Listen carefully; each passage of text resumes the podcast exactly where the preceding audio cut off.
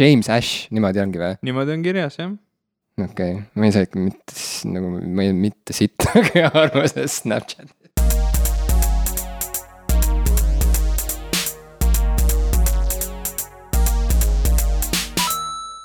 tere, minu nimi on Ivo Krustok aa, ma ei teadnudki, väga huvitav tutvuda, mina olen Jim Ashilevi. ja see, mida te praegu kuulate, on see on popkulturistid. Popkulturistid ma ütlesin normaalselt ka siia lõppu igaks juhuks. mul on sihuke tunne, et me oleme juba nagu siuksest elevusest äh, lõhki minemas sellega, et tegelikult äh, meid ikka veel kuulatakse. ja, ja. see on nagu liputaja, kes on oma tilli juba välja võtnud ja siis äh, ta on üllatunud, et ikka veel vaadatakse juba Täpselt, kolmandat nädalat järjest, inimesed ei lähe ära, lihtsalt jõllitavad. see oleks üks väga veider, veider olukord. oleks jah, mõtle, kui tühi su kõht oleks ja kui janune sa oleksid juba, kui sa oleks kolm nädalat seal põõsa vahel nagu niimoodi mantlihõlmad lahti ära minna ei saa, sest et tähelepanu on nii hea, lihtsalt seda tuleb ja tuleb, otsa ei saa. ma ei ole sellele kunagi mõelnud, et ma võiks liputada kuskil päevi, aga nagu te kuulete, juba esimene muutus varasema osaga või eelmise osaga on see, et ma enam ei piiksuta asju ära. Mm -hmm. et eelmine Jah. kord äh, ma mõtlesin, et kuna Apple on hästi lastesõbralik ja iTunesis on selline klausel, kus sa pead noh, nad küsivad, et kas teil on kõik tekst on, on ikka clean, siis ma, ma viimane kord vastasin, et jah, ja siis tundsin äh, suurt sellist kohustust äh, igale poole piiksud peale panna, aga me ikkagi otsustasime lõpuks Jimmy soovitusel, et võib-olla ikka ei ole hea ma arvan, et seal iTunesis keegi ei oska isegi eesti keelt ju tegelikult. ja kui te kuulate meid oma lastega, siis äh, me, ega me, üldiselt ega me ropud inimesed ei ole. mina Mm. ei ole vähemalt.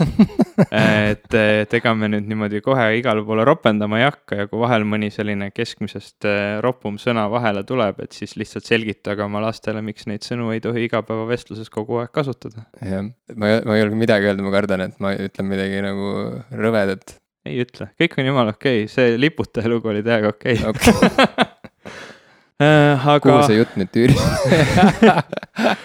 kas me üritame varjata seda, et meil rohkem ei ole mitte millestki rääkida? ei, ma arvan, et me võiksime võtta kohe alguses mõned siuksed asjad, mis vahepeal jälle toimunud on seoses nende teemadega, mis me eelmine kord rääkisime. ja, ja kuna meie see lindistustsükkel kipub niimoodi olema, et me jõuame üle nädala podcast'i välja anda, siis vahepeal on meist juba mitu korda räägitud head juttu sellises podcast'is nagu Vaba Mikrofon, mis on ka täiesti uus podcast, nad alustasid täpselt samal päeval kui meie Mhm. ja seda teevad siis ähm, kolm, kolm inimest, kes on kõik äh, tehnikaportaalis Geenius toimetajad, kaasautorid. Ronald Liive. Roland, on või? ei ole., ta on Ronald, Ronald. Roland. talle ei meeldinud lihtsalt jah, kui seda sassi ajati. ma just hakkasin juba ehmusin ära, et ma olingi juba sassi ajanud. seal on veel äh, Gregor Sibold ja Jakob Rosin ka. Nemad on meist palju head äh, rääkinud, et ma mõtlesin, et me korra mainime nad ära ja, ja ja kui Ronaldil- saaks vaid öelda mõne komplimendi vastu, aga noh, ei taha nagu kangutada ka, sest et ei no tore saade on, mulle küll väga meeldib. ja ei, ma pean ütlema, et äh, just olin Keilas, ehitasin kuuri ja kuulasin äh, kõik äh, senised saated ära otsast lõpuni, kõik need kolm, mis meie praeguseks salvestushetkeks äh, neil ilmunud on ja väga nautisin selles suhtes, et äh, igasugune sihuke tehnoloogia teemaline mula vabas vormis, nii nagu nad seda serveerivad, on äh, mulle väga mõnus kuulata. ühesõnaga tuult äh, mitte tiibadesse, vaid siis õhku kopsudesse või et laske 5G häälepealed valla ja bitchige veel erinevatel teemadel ja kiitke seda, mis teile meeldib, et see kõik on väga mõnus ja tegelikult sellise žestina ütleme nii, et nagu, et vahepeal sealt saatest käis läbi ka mingisugune plaan, et noh, et võtame popkulturistidelt teema ära, et räägime meiega nüüd sarjadest ja nii edasi, on ju. tuli mängu kerge sihuke nagu konkurentide mingisugune nagu jalgealuse õõnestamise plaan või, või midagi sellist, on ju. meie omalt poolt jällegi nagu sõpruse märgiks midagi sellist üldse isegi äh, ei ürita, vastupidi, me ulatame sõbra käe tervituseks ja näiteks äh, kui Ronald, eks ole ke, ke, ke, kelle kohta me ei ütle kunagi Roland esiteks, on ju, sest me enne uurime, vaatame järele, et mis ta, mis ta eesnimi ikkagi oli, on ju, et Jah. kas see oli selle see L või N, enne kui me suu lahti teeme üldse, seal Jah. alguses oli ju nali, on ju, et me ütleme ilusti Ronald ja me ütleme Ronaldile, kuhu ta teatrisse võiks minna, sest et ta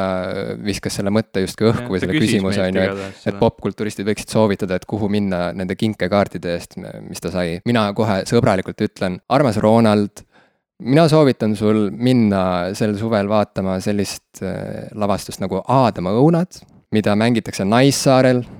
sinna tuleb täitsa sõita jah, niimoodi üle vee mootorpaadiga või, või, või kuidas iganes, mis, mis iganes meetodi sa leiad, et sinna tervelt kohale jõuda. võib aerutada ka. võib aerutada, võib ujuda, kui on võhma, ühesõnaga. mina ei ujuks jah, see selles mõttes, et see ei ole number üks äh, kõige mugavam viis mm -hmm. kindlasti sinna jõudmiseks, aga igal juhul, kui juba see, sinna kohale minna, siis igal juhul saab midagi ägedat kogeda, sest et kuigi see lavastus on alles proovisaalis ja valmimisjärgus, siis äh, ma tunnen isiklikult selle lavastuse tegijaid mitte küll kõiki neist, aga, aga enamikku neist. Ja võin öelda, et ne, need nimed juba ainuüksi on selge kvaliteedimärk, sest et me teame ju, et suvel, suveteatris on nagu omaette žanr, eks ole, see on mm -hmm. sihuke omaette tööstus. paljud teatrid saavad suure sihukese eelarveaugu täidetud oma suvelavastuste kasumist. kui suvel läheb hästi, siis nad saavad rohkem ka siis rahastada. talvel ikka veel teatrit edasi teha. no siis saab talvel, talvel teha väikses saalis ka natuke kunsti, mhm. on ju, et kui suvel läheb hästi, et, et mul on usku, et see Aadama õunad on sihuke hea noh, on lavastus, mis leiab hea tasakaalu sellise nagu äh, kommertslikkuse ja siis selle kunsti vahel võib-olla, sest et need tegijad, kes seal on, noh, kuulake ise, lavastajad on Priit Võigemast ja Hendrik Almet juba väga hea, on ju. Äh, osades on Märt Avandi, Andrus Vaarik, Margus Prangel, Priit Pius, Mari Aabel, Tõnis Niinemets ja Kait Kall. ehk siis noh, need kvaliteedimärgid on siin järjest reas, nii nagu Ninte-. kutsub, kutsub vaatama küll. nojah, see on nagu Nintendo mängudel on vaata see Nintendo kvaliteedimärk juures, et yeah. siis sa näed, et asi on õige. Jah, see kuldne täheke yeah et ma ütleks, et kõik need nimed, mis ma ette lugesin, need on Eesti teatrimaastikul need kuldsed tähekesed. Nintendo kui, certified näitlejad. see on põhimõtteliselt, see on nagu Nintendo tehtud äh, lavastus. igal juhul soovitan minna vaatama, seda saab hakata vaatama juuli lõpust alates ja mängitakse kuskile augusti keskpaigani. ja ma ei tea, esialgsel vaatlusel piletile vist tundus, et kõik on välja müüdud, aga noh, kunagi ei tea, alati on niimoodi, et öeldakse, et on välja müüdud ja ei saa ja siis järsku ilmuvad mingid lisaetendused ei kusagilt välja nagu jäne Jänes ilmub kübarast, et äh, hoia silma peal, Roon, Ronald, Roland vaata, ei tasu, ei tasu hakata mõtlema üldse sellele nime peale, muidu lähebki see asi. ma tegin meelega. tegid meelega? ma tegin meelega, sest ma olen ma väga teadlik, mis on härra Liive eesnimi. väga hea Need suvelavastused tegelikult äh,, ma ei ole ühtegi või tegelikult ma olen vist ühe korra elus käinud suvelavastust vaatamas, see oli Vanemuise suvelavastus, see oli Jesus Christ Superstar ja mulle üldiselt muusikalid ei meeldi, kuna on tulnud väl-, väga palju uusi lahedaid muusikale, siis ma olen seda arvamust natuke muutnud, mul on mitmed just nagu uued Broadway muusikalid väga sümpaati-. sümpatiseerinud. sümpatiseerinud ja, ja ma olen seda arvamust pidanud muutma, aga Jesus Christ Superstar nendest nii-öelda vanadest muusikalidest, vanematest, on täpselt sihuke ideaalne asi minu jaoks, sihuke natukene rokki, sihukest äh, veidrat tõlgendust kristlusest äh, ma ei tea, seal vist originaalosades mängis äh, Deep Purple'i laulja ja, ja kõik sihuke noh, see, see kõik tõmbas mind ligi, mulle, mul on kõik need sõnad siiamaani peas ja Eestis mängis Juudas osa Vaiko Eplik, nii et ma juba esimesel päeval, kui need piletid müüki tulid, ostsin esimese rea pileti seda vaatama. Esimesele võimalikule kuupäevale, ma isegi arvan, see oli ääretult halb idee, sest esimene rida on täpselt nii, et sa vahid nagu üles, et sa ei saa nagu normaalselt etendust vaadata, aga sellegipoolest niisugune nagu žest oli tehtud, et, ähm, et see oli päris lahe. ma usun, et Aadema õunad on natuke teistsugune lavastus, sest et seal äh, ei kalpsa ringi laval mitte Jeesus oma kaaskonnaga, vaid äh, üks neonats, kes läheb ühte Kolka küla kirikusse meelt parandama. Hmm ma suurt rohkemat sellest sisust ei tea, aga noh, ma usun, et äh, nalja saab. kõlab äh, hästi. kui ma Graalis korra läksin nende proovi segama, sest et neil olid äh, mingid proovid toimusid Von Graali ruumides uh. -huh. või nad ei olnud veel sinna saarele ära läinud, piilusin ukse vahelt sisse, siis seal olid mingid kiilakad pead vaatasid mulle vastu, nii et nagu noh, igal juhul tundub tore ja nad naersid kõva häälega seal koos. et neil endal on lõbus ja pead on kiilakad, nii et nagu väga hea. tõotav head. viimase, viimasel korral räägitud teemadest ma korra toon veel sellesama visuaalse mõtlemise ja sõnadega või sõnadeta lugemise välja, sest mul on niisugune tunne, ma ajasin seal üsna palju täiesti segast juttu. Äh, ma ei ole neuroloog või, või psühholoog, ma ei tunne neid asju väga hästi, et, et ma peaksin seda asja ikkagi veel kõvasti uurima, aga see tundub ääretult huvitav teema, et see noh, enamus inimestel on ikkagi mingisugune peasisene monoloog äh, lugemise ajal, nii palju kui ma teada sain, osad inimesed üritavad seda kuidagi alla suruda, et kiiremini lugeda, aga see, kuidas äh, inimesed mõtlevad, kui visuaalselt, et see on selline bioloogia keerukus jälle tuleb mängu, et, et see on alati mingil, mingil määral, et sa mõtled mingil määral visuaalselt, mõni mõtleb rohkem, mõni mõtleb vähem. Ja, ja siis vastavalt sellele nagu inimesed kuidagi jagunevad, et sihukest kahte, kahte kasti nagu ei saa panna, et üks on visuaalne, teine mitte. ma mõtlesin, ma igaks juhuks korra selgitan. Mm.. no see seostub mul seksuaalsuse teemaga, sest ma ei usu sellesse no, ka, et inimesed on äh, kuidagi väga sirgjooneliselt kas heterod või geid. nagu no, see, see tundub hästi kahtlane jutt mulle. jah, et bioloogia ongi väga, väga segane, asju kastidesse panna, eriti just nagu kahte kasti tihtilugu ei saa, on gradiendid. et mulle meeldib bioloogiast nii mõelda, et ma olen seda aastaid õppinud ja, ja niimoodi on see mulle kõige loogilisem tundunud, sest noh, inimene on üks väga kompleksne masin, milles on hästi palju erinevaid keemilisi, bioloogilisi, füüsikalisi reaktsioone ja, ja neid on, on niimoodi päris raske no igatahes, see on väga huvitav teema, ma kindlasti uurin selle kohta veel aga viimane kord sa rääkisid Pokemonist ja yeah. nüüd on Pokemon uudistes äh, iga päev, ma ei tahaks öelda, et see oli otseselt nüüd sinu süü, aga mulle meeldiks nii mõelda. no muidugi Pokemonid jaa, nüüd on siis välja antud uus Pokemoni mäng Pokemon Go, mille jaoks ei pea isegi omama ühtegi Nintendo konsooli, vaid äh, põhimõtteliselt see konsool on peaaegu kõigil meist äh, olemas. kas see on esimene kord, kui ei ole vaja Nintendo konsooli, et mängida Pokemoni? vist küll jah, sest et äh, ma saan aru, et Pokemon ei ole sada protsenti Nintendo oma mm, -hmm. aga vist kolmandik selle mängu tulust läheb alati igal juhul Nintendole mm -hmm. ja mingid trademark'id ja copyright'id on Nintendol niimoodi sõlmitud, et ta on alati seotud selle mänguga yeah,. aga ja nüüd neid... tõepoolest jah, esma, esma, või mis sa tahtsid öelda? ma tahtsin öelda, et Nintendo nagu ei ole tavaliselt, äh, nad ei taha oma mänge teistele platvormidele väga anda ka, et nad on, nendel on väga palju või ütleme, vähemalt mitu sellist väga tuntud ja tugevat mängu tegelast, nagu ma ei tea, seal Mario on, Donkey Kong, Pokemon, need on, need on sellised mängud, mida kõik teavad, nad on väga kuulsad, neid tahavad väga paljud inimesed mängida ja selleks, et neid mängida, pead sa ostma Nintendo konsoole, mis ei ole just kõige popimad. Nad on väga jäärapäised, kui nii võib öelda mm, -hmm. või, siis just väga meelekindlad, noh, oleneb, mis varjundiga nüüd äh, anda seda suhet, aga äh, igal juhul see on äge, mismoodi nad alati hoiavad seda oma joont väga selgelt ja see see vahel töötab nende kahjuks ja vahel nende kasuks, sest vahepeal nüüd, kui Nintendo tuli välja oma Wii U-ga, äh, mis on nende praegu kõige uuem yeah. konsool, märtsis, vist kaks tuhat seitseteist märts on tulemas uus, mille kohta liigub nii palju kõlakaid, mis on super põnev et fuck, see on nagu nii äge on jälgida neid kuulujutte ja just mulle meeldibki see, et Nintendo on selline bränd videomängumaailmas nagu Apple on äh, muu tehnoloogia maailmas äh,, mille kohta, mida ümbritseb ikkagi mingisugune selline nagu, ühesõnaga, ta on midagi enamat kui lihtsalt bränd, see on pigem mm -hmm. mingisugune sihuke nagu kultusobjekt yeah., eks ole, mida ma ei saaks öelda tegelikult äh, Xbox'i kohta ega PS-i kohta no,. Microsofti ja Sony kohta öelda, et ja. nad on, nad on nii suured konglomeraadid, sellised äh, natuke näotud firmad, äh, noh ma ei tea, mina olen, minule üldiselt väga meeldivad Microsofti tooted, kahjuks suudavad nad alati mingi asjaga ära rikkuda Mi-, midagi nagu jah, mingisugune, mingi rikutud maik ja. on nagu alati juures kuidagi Microsoftil Microsoftil kui ka noh, Sony kohta ma nii palju isegi nagu ei julgeks seda öelda, sest Sony on jätnud mulle parema mulje, mul on mm. parem kogemus Sonyga kui yeah. Microsoftiga, aga, aga Nintendo puhul jaa, on alati noh, nagu ma selle teatrijutu puhul ka rääkisin, nendest kvaliteeditärnikestest, eks ole, need kuldsed tähekesed, seda on nagu tunda Nintendo puhul, et isegi kui nad panevad pange, noh, väidetavalt siis Wii U oli nagu mingisugune nagu ämber nende jaoks, eks ole, et nad mm -hmm. ise ju tegid nagu, no majanduslikult just nimelt, nimelt jah, et, et see võrreldes ikkagi PS4 ja Xbox One'iga oli see suur läbikukkumine ja eriti võrreldes Nintendo Wii'ga, mis äh, oli nagu mingisugune jokker kaardipakist hüppas välja, eks ole, eelmise põlvkonna konsoolide seast. et järsku hüppas välja sihuke nagu hästi odav äh, konsool, mida, mis, mis oli teise nagu juhtimisloogikaga, eks ole, et, et seal sai mängida selle liikumissensori abil yeah., golfi ja keeglit ja kõiki neid asju ja, ja järsku lihtsalt nagu nii paljud inimesed ostsid selle selle, isegi kui neil oli juba kodus mingisugune muu konsool olemas. ja kuigi nad võib-olla polnud kunagi teleka või arvutimänge mänginud. Nad ostsid selle, et, et sõpradega lõbutseda, et perega lõbutseda, see oli nagu sihuke üllatav fenomen ja, ja see on nüüd šokeeriv teave, ma ei ole kunagi Viiga mänginud. see on okei okay,, ei šokeeri mind ei šokeeri kedagi. arvestades, mis maailmas toimub, siis nagu mu valulävi on kuskil kaugemal.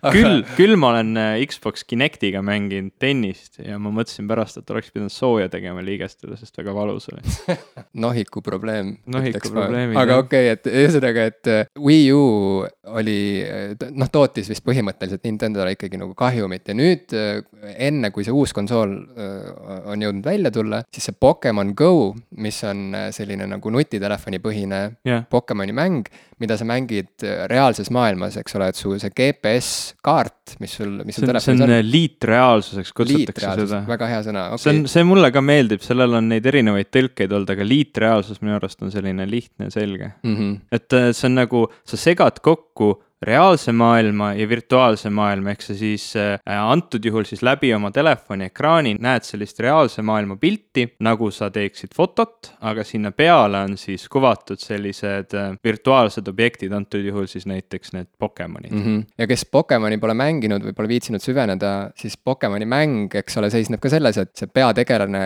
keda sina mängijana juhid, ta hakkab seiklema, läheb, läheb kodust ära, ütleb emale tšau ja läheb siis nagu metsadesse ja võb võpsikutesse otsima erinevaid Pokemone, kes siis äh, saavad tema omaks ja siis ta hakkab neid treenima sellisteks nagu võitlejateks ja edasi seigeldes ta kohtab veel võimsamaid Pokemone, kelle vastu ta siis ässitab need enda Pokemonid ja see ongi sihuke võitlusmäng põhimõtteliselt mm, -hmm. kus on ka selline nagu suhtluse element juures, noh et RPG mäng, eks ole, žanriliselt, et käid ringi, suhtled inimestega ja siis sul on mingisugune nagu võitluste jada ka seal pidevalt käimas. nüüd siis Pokemon Go sunnib inimesi minema õue omaenda linnaruumi, telefon käes, kus on siis see GPS-kaart, eks ole, ja oma kodulinnas inimene saab siis käia ringi näiteks, noh, Eestis seda mängida ei saa, on ju. praegu veel mitte, aga tead, ma just lugesin, äh, äkki see oli level1.ee või üks mingi meie mängu, mänguportaal äh,, oli kuskilt siis äh,, kuskilt viitas sellele, et võib-olla lähipäevadel tuleb Euroopasse.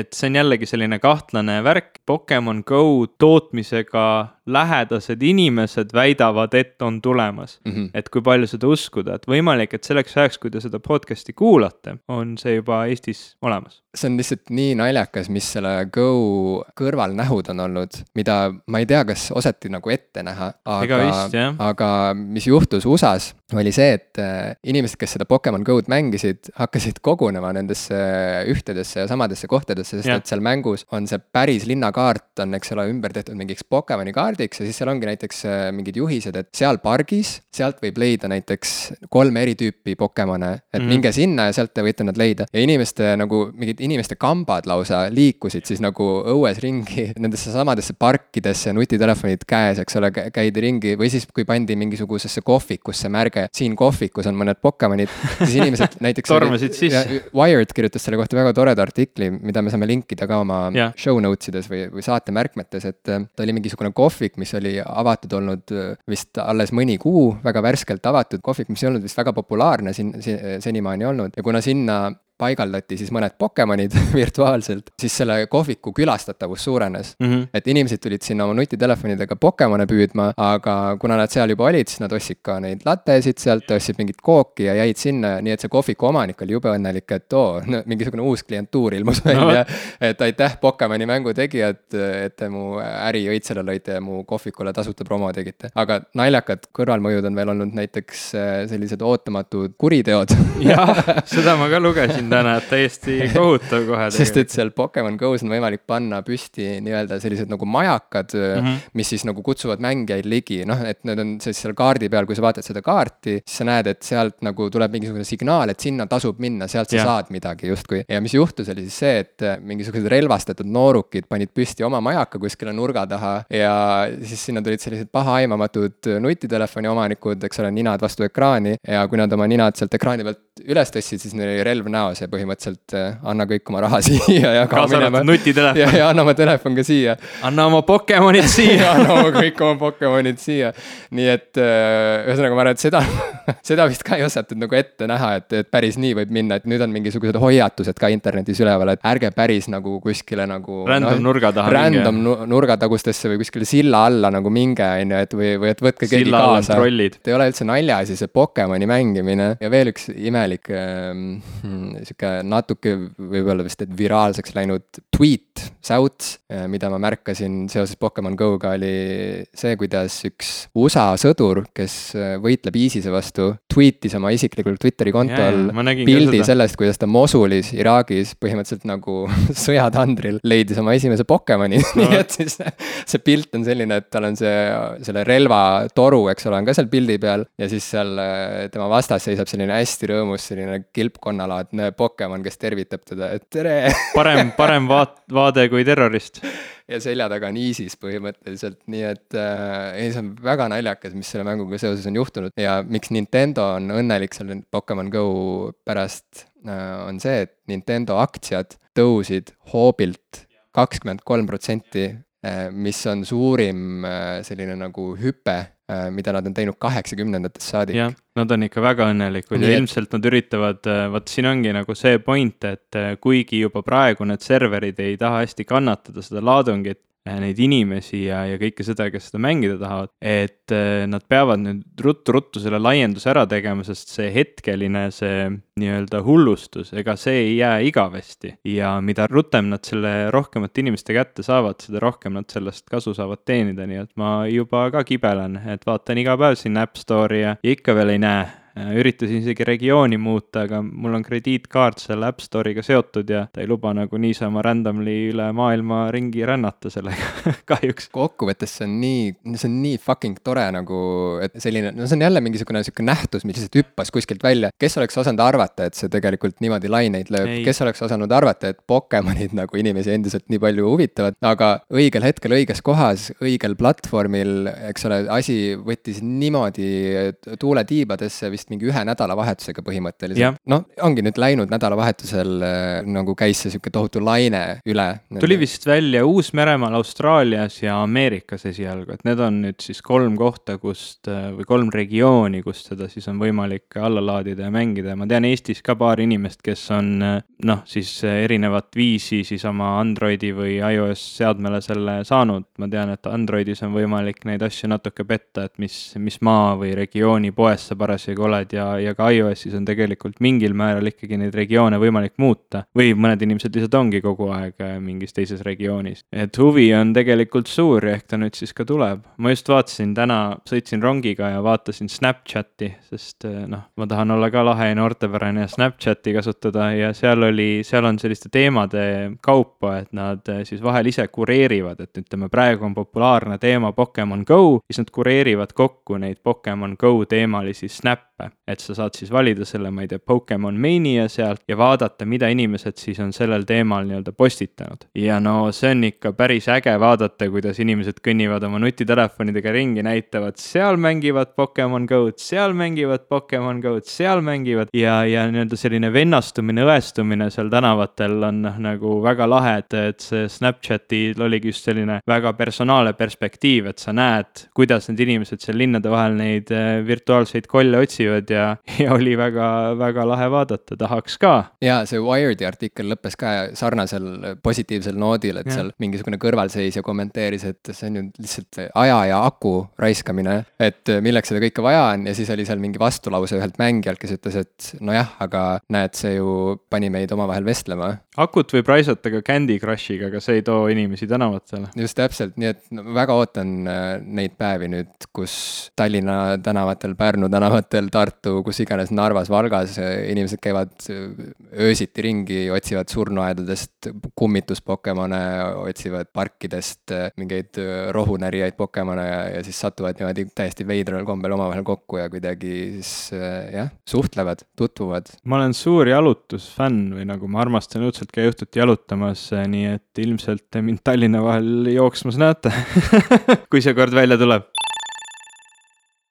aga Ivo, nüüd on siis see hetk, kus ma palun, et sa selgitaks mulle, mis asi on Snapchat. ma pean sulle ütlema, et äh, on ju, ma olen üritanud seda asja uurida ja, ja. ja ma ei pea ennast väga tehnoloogia kaugeks inimeseks, noh, ma, ma olen vastupidi, on ju, ma tahan. sa oled nagu... liiga vana. Lõpeta, lõpp, lõpeta ära.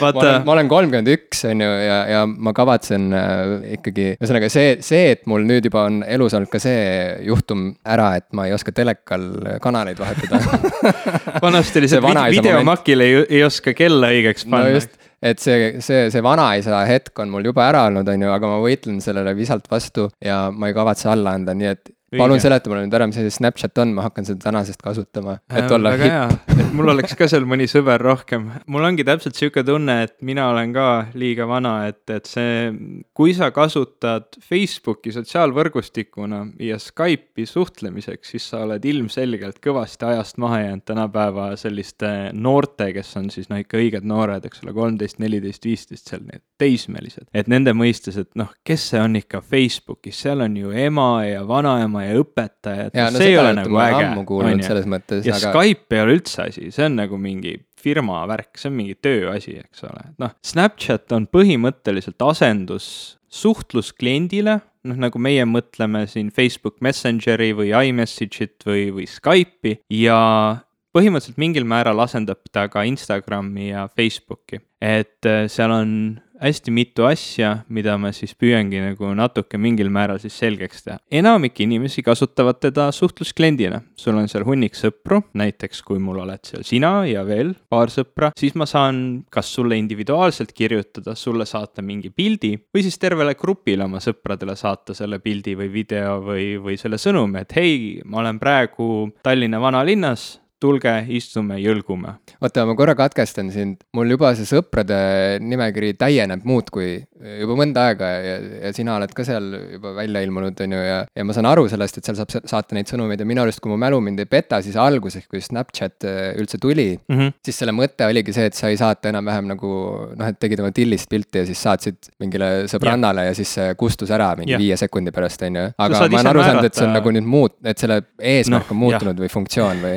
Ütleme nii, et jah, ta ei ole enam otseselt selleks, et sa saaksid nendest alasti pilte saada, kuigi see ei ole nagu keelatud, et noh, kui sa oled äh, täiskasvanud inimene, kellel on legaalne endast äh, alasti fotosid teha, neid jagada, siis palun väga. sa saad määrata, kui kaua see foto püsib või video, pärast seda määratud aega ta nii-öelda nagu kaob ära jutumärkides, et tegelikkuses ta ei kao, kuhugi serverisse jääb ta siiski ja teistel inimestel on võimalik siis seda pilti ikkagi salvestada ja võtta nii-öelda see screenshot või screen cap. sellest tuleb ka, see on nagu lahe, et sa siis näed seda statistikat, kui paljud inimesed seda siis eh, nii-öelda salvestanud endale on, et noh, ikkagi sa näed, et, et keegi selle pildi nüüd võttis. nii et ta ei ole päris selline variant ka, et see ongi nüüd selleks kolmeks-neljaks sekundiks vaadata ja pärast seda on ta igavesti täiesti kadunud. et kui sa ikkagi midagi lolli teed või midagi, mis võib sulle hiljem probleeme tekitada, siis, siis noh, see on ikkagi võimalik. aga minu jaoks see nii-öelda noh, lemmikasi selle kõige juures on, on My Story.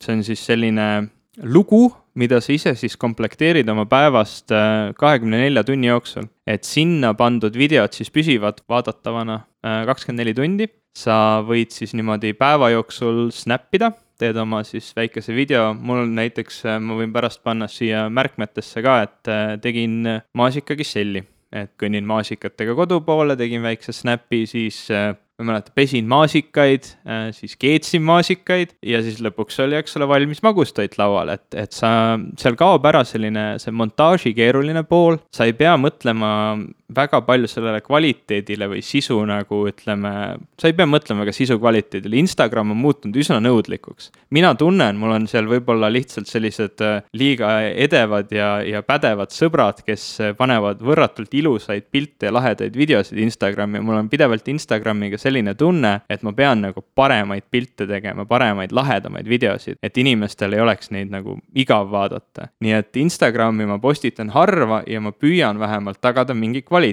Snapchatis on see, noh, see mõte on nagu kadunud. Et sa saad sinna sodida selle pildi peale, panna sinna mingeid totakaid kleepse ja asju, see on lausa, seda nagu isegi eeldatakse seal, sest ta ei ole nii püsiv, ta on selline vabam vorm, selle My Story kokkupanemine on lahe.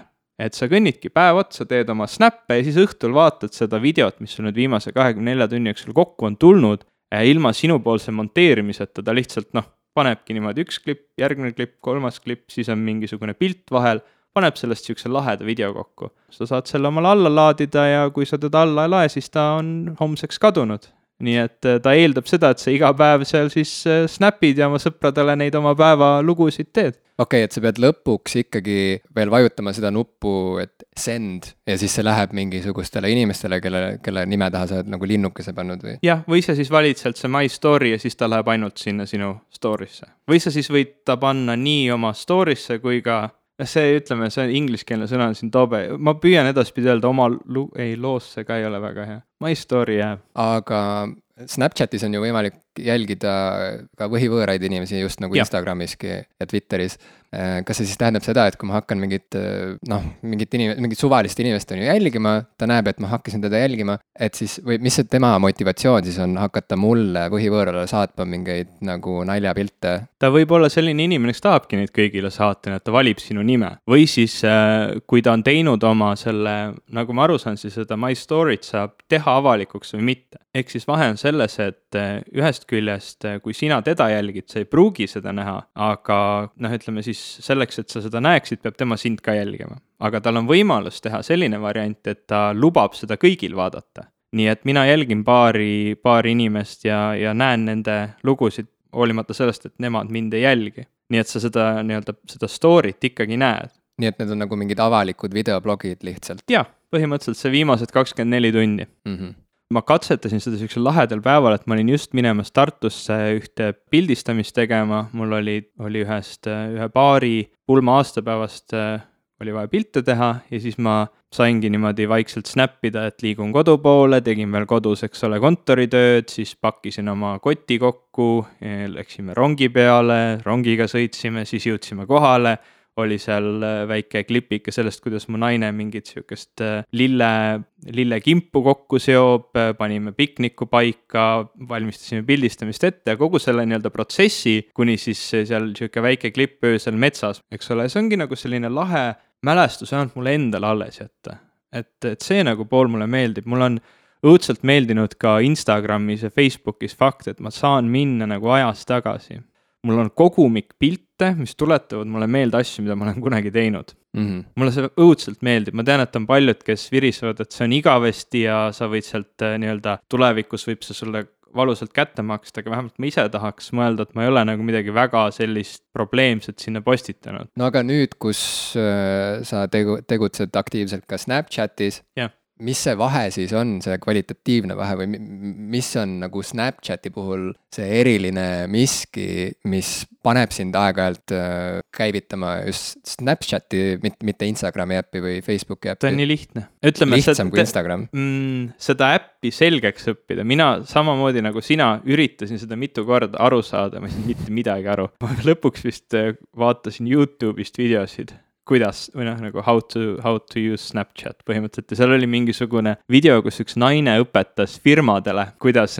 kasutada Snapchati ära, et ennast nagu promoda veebis. et noh, see on nagu natuke hale, äh, kui sa vaatad äh, mingit sihukest ettevõttele suunatud äh, social media tüüpi videosid selleks, et õppida kasutama ühte noh ütleme, noortele inimestele mõeldud või, või üldse inimestele mõeldud äh, sotsiaalvõrgustikku aga nii, sin-, sinna ma jõudsin ja nüüd, kui mul see äpp on selge, ta on, ta on selles mõttes lihtne, et ta ei eelda sult mingit äh, Instagram minule vähemalt eeldab mingit kunstilist lähenemist, et ma näen midagi väga lahedat, ma näen tihtilugu oma nende piltidega vaeva, äh, vähemalt mida aeg on edasi, seda rohkem ma olen hakanud äh, panema rõhku selle foto töötlemisse, enne kui ta üldse Instagrami jõuab, sellele, mida ma temaga teen Instagramis, ma väga harva valin lihtsalt välja sealt mingi filtri ja panen ta üles, ma pigem krutin seal natuke, eks ole, varju, varjualasid heledamaks võib-olla, heledamaid alasid tumedamaks, äh, määran täpse kontrasti nii, nagu ma tahan, äh, panen nii täpselt, nii tugevalt selle filtri peale, kui ma tahan ja, ja tihtilugu ma üldse need fotod töötlen veel enne mingis teises äh, rakenduses ära. et äh, noh, ta on muutunud selliseks natukene nõudlikumaks mitte, et see halb oleks, ta on nagu lahedamaks ka selle võrra muutunud, sa näed väga kihvte asju seal, väga ägedaid pilte ja videosid, aga see, seeläbi ka on selline nagu igasuguste niisama lollakate asjade jagamine või siis see, et, et ma tahan, et mu sõbrad teaksid, mida ma praegu teen või lihtsalt ma tahan jagada tükikest oma elust, et see on nagu seal muutunud natukene raskemaks. okei okay,, aga hakkame siis Snapchat ima. Mõni päev tagasi Pitchfork avaldas artikli sellest, kuidas kaks tuhat kuusteist on olnud äh, kõige jubedam, üle pika aja üks jubedamaid aastaid albumi müügi koha pealt. ehk siis äh, inimesed, nagu arvata võib, striimivad muusikat pigem, mitte ei lähe enam poodi plaate ostma, eks ole, ja no see on ju asi, mis on juba mõnda aega toimunud, noh nüüd võib isegi öelda vist, et juba täitsa pikka aega toimunud, eks ole, see on niisugune pikk protsess olnud. juba siis, kui tuli Napster, eks ole, seal null-nullindate alguses ja kogu see muusikapiraatlus no vot siis hakkas see allalaadimine, eks ole mm -hmm., jah, et nüüd on nagu striimimine. just, mis äh, samamoodi on nagu noh, on lahendus ja ei ole ka just muusikute mm, seisukohalt, et äh, noh, näiteks alternatiivmuusika skeenes äh, üks häälekamaid striimimisvastaseid oli ju Tom York jah Äh, kes, kes on tuntud Radioheadi frontman'ina ja, ja ka ansamblist Atoms for Peace ja kes on ka soolomuusikat palju teinud. ühesõnaga Tom York oma liitlastega astus Spotify'le vastu, öeldes, et nad maksavad muusikutele selgelt liiga vähe, koorides kogu kasumi põhimõtteliselt endale asjade eest, mida nad ise pole teinud, ehk siis, et see sisu, ilma milleta striimimisteenuseid ei olekski ju olemas, neil mm -hmm. ei mhm. oleks mitte midagi pakkuda, nende sisu, sisuloojad saavad mingisuguse null koma null null üks protsendi sellest kasumist ja, ja, ja kõik ülejäänu, eks ole, läheb siis äh, nende programmeerijate, teenusepakkujate taskutesse. Tom York ütles, et see on selgelt ebaõiglane, seda süsteemi tuleks kuidagi muuta ja tema ei ole nõus äh, näiteks avaldama oma muusikat Spotify's seni, kuni see süsteem ei muutu. noh, Radioheadi kataloog on ikkagi täielikult olemas Spotify's on tänaseks, aga Atoms for Peace näiteks seda ei saa sealt mm. -hmm. no teine on, teine on olnud ka Taylor Swift, mitte nii alternatiivmuusika skeenest, kes äh, samamoodi on, on väga häälekas olnud striimimisteenuste osas, tema muusikat kusjuures siiamaani ei saa veel Spotify'st kuulata, küll aga saab Apple Music ust. see oli isegi selline väga, väga suur teema meedias, et kui Apple Music üldse välja tuli, siis Taylor Swift kirjutas avaliku kirja Apple'ile te peate ikkagi selle asja äh, artistide jaoks paremaks tegema ja Apple vastas talle. noh, muidugi ilmselt, kui sa oled Taylor Swift, siis on, on lihtne saada Apple'i tähelepanu ja juhtida nende tähelepanu mingitele küsimustele ja nüüd vähemalt Apple Musicus on tema kataloog olemas. Ma mäletan, et siis, kui null-nullindate alguses inimesed hakkasid tõmbama MP3-esid, alguses, eks ole, noh, oligi nii, et oh, kuule, ma täna tõmban ühe loo. No vot, see üks ja lugu, jah. ja siis kaks päeva hiljem sa pidid küsima sellelt inimeselt, noh, kas jõudis kohale? Yeah.. eks ole, et need kiirused olid natukene teised, aga põhimõtteliselt see protsess algas sealt, siis ju oli väga palju juttu Metallicast sest Metallica ja. oli võib-olla kõige häälekamalt vastu Napsterile ja kaebas Napsteri kohtusse ja samamoodi ütles, et see kõik on ebaõiglane, mida nad teevad, et nad lihtsalt röövivad põhimõtteliselt raha muusikutelt. aga muidugi inimesed naersid Metallica välja, sest et noh, kui kahju sul saab olla põhimõtteliselt maailma kõige rikkamatest metallimeestest, eks ole. kes, olgem ausad, ei olnud just väga graatsilised oma eneseväljenduses, et nad, nad olid ikka sellised noh, küllaltki, nad, nad ei teinud selle protsessi lihtsaks, et nad meeldiksid sulle?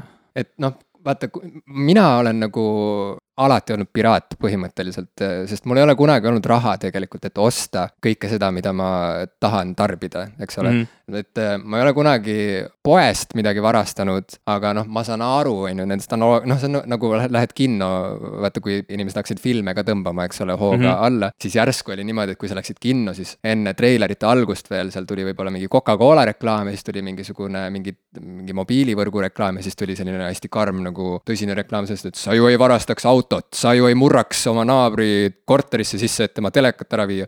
aga miks sa siis tõmbasid praegu selle filmi, on ju, et see on põhimõtteliselt sama asi. kõige no. parem oli veel see, et nad, nad tihtilugu kasutasid, et sa ei laeks ju alla autot, ma ütlesin, kurat, kui saaks prindiks 3D printeriga, nüüd sa võib-olla isegi saad juba. see on tulemas. et ühesõnaga, ma ei ole kunagi tundnud, on ju, et see oleks võrdväärne vargus, tegelikult ma ei ole seda kunagi tundnud, ma saan aru teoreetiliselt, et see on ju põhimõtteliselt sama, aga ütleme niimoodi Lega... kognitiivselt ei ole, on ju, see on täiesti täiesti midagi muud, et kui ma lihtsalt tahan näha nagu mingit filmi, siis ma tõmban selle ja samamoodi on olnud äh, muusikaga, et äh, sellest ajast peale, kui ma olin, ma ei tea, kaksteist või midagi, no mul ei ole olnud kunagi raha, on ju, et osta mm -hmm. endale kõiki neid albumeid, mida ma kuulata tahan mm. -hmm ja sageli ma isegi noh, võib-olla nagu sada protsenti ei olegi huvitatud sellest albumist, ma võib-olla tahan lihtsalt tutvuda mingisuguse uue materjaliga, eks ole, et, et ma ei lähe sellepärast ju poodi ega noh, ütleme, et aastal üheksakümmend üheksa on ju, ma olin, ma ei tea, vana ma olin viisteist on ju, et ma, ma, ma ei läinud nagu kogu oma kogutud rahaga poodi, et osta nagu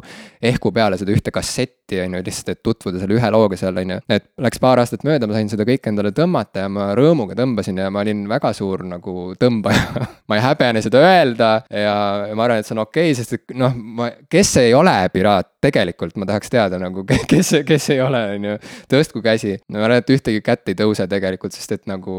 tühi ruum vaatab vastu.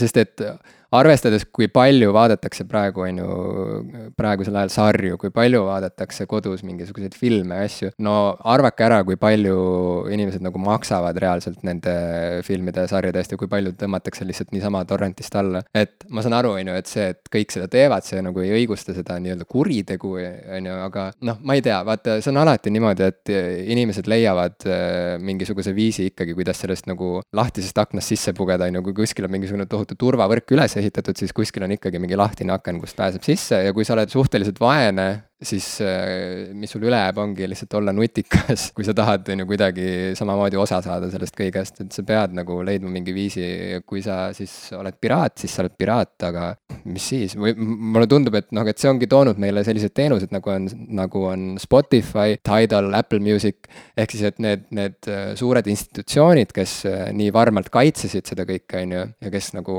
tohutult nõudsid karistusi nendele inimestele, kes neid nagu varastavad, seda muusikat ja nii edasi, nad lõpuks olid sunnitud sunnitud ikkagi kaasa minema selle, mm, selle arenguga. Nad on seda väljendanud ka niimoodi, et nad on justkui nagu sunnitud sellesse, ütleme muusikatööstus kindlasti on, alati räägib sellest kuidagi sellises mõrkjas toonis, et noh, fine, eks me peame siis ka nagu kaasa minema, aga ma küsiks sinult nagu kui loojalt, ütleme, kui sinu näidendeid vaadataks tasuta, sinu raamatuid loetaks tasuta, noh, ma tean, tegelikult raamatute puhul on see ju igavesti nii olnud, et laena mulle, ma loen ka läbi ja siis noh, tood tagasi, et mul on raamaturiiulis päris mitu raamatut, mis pole siin kohapeal, vaid mõne sõbra käes. et noh, nagu kuidas see sind kui, kui loojat äh, mõjutab? no vaata, ma saan aru sellest, on ju, et kui ma näiteks töötan teatris, teen seal mingisuguse lavastuse ja kui mitte keegi ei ole nõus maksma piletiraha mm, -hmm. on ju, vaid kõik lihtsalt niipea, kui on etendus välja hõigatud, siis mingid inimesed teevad tormijooksu näiteks saali, on ju, keegi neid peatada ei jõua ja me oleme lihtsalt sunnitud neile mängima seda tükki ilma rahata. noh, loomulikult see oleks nagu häiriv olukord, sest et ma tean, et siis, et see, see ei oleks jätkusuutlik, eks ole. teater põhimõtteliselt peaks oma uksed sulgema siis mingi,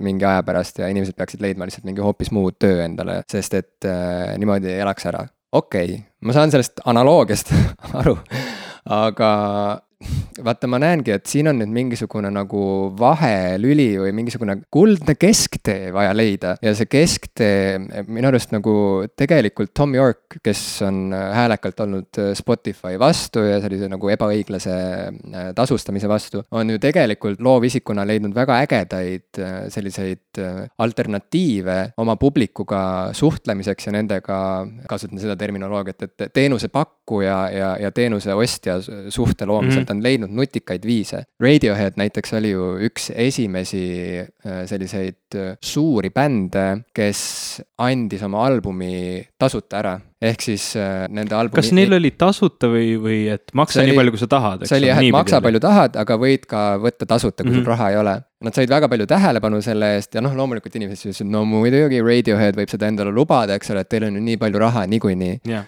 esiteks, see on eeldus ja eeldada elus eriti ei maksa, nii et ma arvan, et see on täiesti, täiesti nagu usutav, kui, kui ma kuulen, et Tom Yorkil on ka olnud aegu, kus ta on kõigile võlgu ja yeah., ja ei saa oma üüri makstud, isegi praegu, on ju, see on usutav mu jaoks tegelikult. muusikatööstuses, arvestades, millised rahad lähevad turneede korraldamisele, on, on täiesti juhtunud tihtilugu, et väga-väga rikkad suured bändid nende liikmed on tegelikult äh, väga kehvas rahalises olukorras tihtilugu. just täpselt, no, väga paljud bändid, väga paljud muusikud on selgelt välja öelnud, et ega nad albumite müügist ja. enam nagu mingit arvestatavat raha ei teeni. see, mismoodi nad oma elatist teenivad, on tuuril käies just ja. nimelt, et need pikad tuurid, kus nad on kolm kuud nagu rändavad mööda ilma ringi ja on kodust eemal ja oma lähedastest eemal. see on see aeg, kus nad teenivad raha, et maksta oma üüri ülejäänud aasta ja, jooksul. uut plaati teha. ja et uut albumit teha, just nimelt. aga Radioheadi In Rainbows mis ilmus kaks tuhat seitse, kui ma ei eksi. midagi nii, jah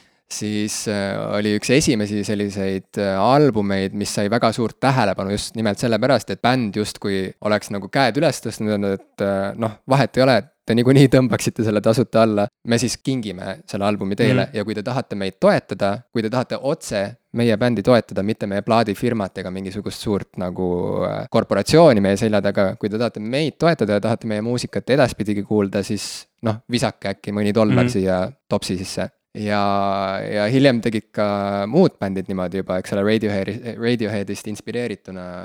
no nüüd on see väga levinud äh, mudel just erinevatele indie-bändidele, kes ei olegi ühegi label'i all või kes on kodulindistajad või, või tegelevad omaette oma rahadega, annavad plaate välja, et selline portaal nagu Bandcamp, äh, kus ma olen ise oma muusikat jaganud ja kus on mitmed teised Eesti bändid, mitmed välismaa bändid oma muusikat jaganud, võimaldab kasutada selliseid meetodeid, kus sa võid oma plaadi tasuta üles panna, sa võid panna ta nii, et inimene võib ta tasuta võtta, aga võib ka määrata ise, kui palju ta raha tahab, või siis, et minimaalne neli dollarit ja sealt edasi või noh, erinevad niisugused väga paindlikud meetodid ja nemad siis annavad selle plaadi ükskõik mis formaadis sa tahad, sa võid ta laadida alla MP3-na, vist oli OG Orbis äh, formaat äh, ja täiesti ka kadudeta nii-öelda need äh, kõrgresolutsiooniga failid on täiesti toetatud, nii et see on nagu minu jaoks see parim lahendus, et ma tegelikult sealtkaudu olen päris paljude bändide muusikat ostnud mõttega, et ma saangi otse seda muusikut või seda bändi toetada ja ma saan ka endale sobivas formaadis selle, sest oli mingi aeg, kus ma näiteks üldse ei tahtnud CD-plaate osta. ma leidsin, et nad koguvad mul kuskil tolmu, mul ei olnud neid kuskil kuulata vist mu naise laptopil veel on CD-lugeja, et äh, minu enda arvutil enam ei olegi, et noh, miks siis. ja Bandcamp oligi nagu selline parim lahendus minu jaoks, noh nüüd on, minu jaoks nagu ideaalne võib-olla olekski need streaming teenused ja sinna kõrvale siis viis ka nagu bändilt otse mingeid asju osta, selleks on nüüd muutunud ka vinüülid mingil määral, kuigi need on läinud ka tihtilugu läbi plaadifirma ikkagi, aga noh, ma ütleks, et see, see asi võib-olla tundub nukker, sellepärast äh, nendele muusikutele või sellele tööstusele, sest tööstus peab muutuma. et ongi ainult üks koht, kust muusikat saada, sa lähed poodi, ostad plaadi, kõik see ahel, kuidas see plaat valmib, kes valivad muusikud, kes maksavad lindistamise eest, kelle käes on stuudiod, produtsendid, see ei ole enam väga lihtne ahel, igaüks võib olla produtsent, igaüks võib olla muusik, igaüks võib olla edasimüüja. ja see lihtsalt peab muutuma ja see valu, mis praegu selles tööstuses on, ongi nagu see, see muutumise valu. ja mina loodaks, et sinna alati jääb võimalus ikkagi ka näidata oma lemmikule, et ta on su lemmik ja maksta selle eest otse talle või siis noh, läbi plaadifirma, kuidas iganes, et vähemalt nagu see võimalus jääb, aga on ilmselge, et tulevik on, on striimimine, tulevik on kuumaksu pealt nende asjade kuulamine. vähemalt nii on, nii on see minu, minu vaatevinklist. Ma näen, et see piraatlus, ütleme nüüd, kui me vaatame seda null-nullindate algusest kuni tänaseni mm, -hmm on ikkagi mõjunud selles mõttes hästi kogu sellele, mitte, mitte tööstusele hästi, aga, aga tegelikult see on sundinud muusikuid astuma Eh, ise lähemale oma kuulajatele, ehk siis tegelikult, mida piraatlus on teinud, et ta on nagu jõuga eemaldanud või või muutnud kasutuks selle vahemehe, kes mhm. vahepeal mm, -hmm. eks ole, seda, seda, seda äri nagu korraldas. nii et eh, noh, kui ma vaatan oma mingeid lemmiknäiteid, nagu näiteks Amanda Palmer, kelle tegemisi ma olen üle kümne aasta vist juba jälginud väga tähelepanelikult ja suure armastusega mm. -hmm. Amanda Palmer on eh, muusik ennekõike, aga ka selline blogija, noh. juba kirjanik mõnes nagu, mõttes. jah, on ka raamatu kirjutanud, tegi sellist bändi nagu The Dresden Dolls ja, ja nüüd viimastel aastatel on rohkem ikkagi nagu sooloprojekte teinud. ühesõnaga Amanda Palmer, tal sai oma plaadifirmast kõrini, on ju, sest et see, mida nad seal ette kirjutasid talle, oli tema jaoks ahistav, viimane tilk karikasse oli see, kui ta tegi muusikavideot oma uuele loole ja siis näitas seda enne avalikustamist oma plaadifirma mingitele produtsentidele mm, -hmm. mingitele otsustajatele. ja siis äh, talle öeldi, et ei, see tuleb ümber monteerida, sest et siin mõnes kaadris sa näed liiga paks välja. et, et su kõht nagu lotendab liiga palju ja siis ta nagu sai aru, et okei okay,, et noh, et, et vaat selles raamistikus mm -hmm. ma enam ei tööta. ja siis ta lihtsalt keevitaski kokku vist mingisuguse kiire albumi pärast, et saada lihtsalt plaadifirma. jah, see vist käis need... läbi Kickstarteri tal ja. ei, läbi, ühesõnaga ta sai plaadifirmast lahti, saatis nad perse, tegi alasti pildi seal plaadifirma koridoris endast, et umbes, et nagu, et head aega, on ju, ja maailm, siit ma tulen. ja siis ta tegi Kickstarteri, mis on siis, eks ole, noh, nagu kõik teavad, selline nagu hooandja. sama, mis hooandja, ainult et yeah. nagu see, mis enne oli ühesõnaga, et äh, tegi Kickstarteris kampaania, et palun, fännid, äh, kui te minusse usute, siis äh, rahastage minu uue albumi valmimist. ja mis juhtus, oli see, et seda kampaaniat saatis enneolematu edu, ta kogus vist miljon dollarit või natuke rohkem. Ja, ja see kõik äh, läks kasutusse niimoodi, et ta ei ostnud endale mingit villat, vaid reaalselt noh, ta pärast ka näitas, kuhu see raha kõik läks, et tõesti reaalselt kõik see raha läks selle albumi tegemisse. ja, ja nagu lähebki jah. viimse kui sendini on ju, nii et ta ise nagu, ma ei tea, kas jäi natuke miinusesse isegi mm. -hmm. aga igal juhul, et ta sai nii palju tähelepanu selle kampaania tõttu ja edaspidi hakati teda kutsuma igale poole rääkima mingitele seminaridele ja lõpuks ta pidas sellise kuulsa TED-i kõne see on üks vaadatumaid äh, Teedi kõnesid siiamaani. ta vist rääkis sellest, kuidas üldse küsida, küsida raha. et, et kuidas, kuida-, kuidas see tänapäeval on nii normaalne mm -hmm. astuda oma fännidega otsesuhtlusesse ja usaldada seda, et nemad sind äh, Toetab. hoiavad ja toetavad mm. -hmm ja siis anda neile vastu nii vahetult, kui sa oskad, kõikide oma vigade ja konarustega anda seda, mida sa teed, lihtsalt usaldada seda, et nad võtavad selle vastu samasuguse nagu armastusega, nagu sina seda neile pakud. ja, ja mis edasi sai, oligi see, et Amanda tegi endale Patreoni yeah. konto yeah. ja Patreon on veel lahedam asi kui Kickstarter ja Hooandja minu arust ja väga küll, huvitav on nüüd jälgida, et, et huvitav, kas Eestis keegi äh, suudaks käima tõmmata oma Patreoni. ma nägin, et Kaur Kender tõmbas käima oma Patreoni, et Hapkomahi või Oli, narkomaani raamatut inglise keelde ümber panna okay.. Äh, näis, kuidas tal sellega kuulata. läheb, äh, aga igal juhul teda saab toetada sel teel.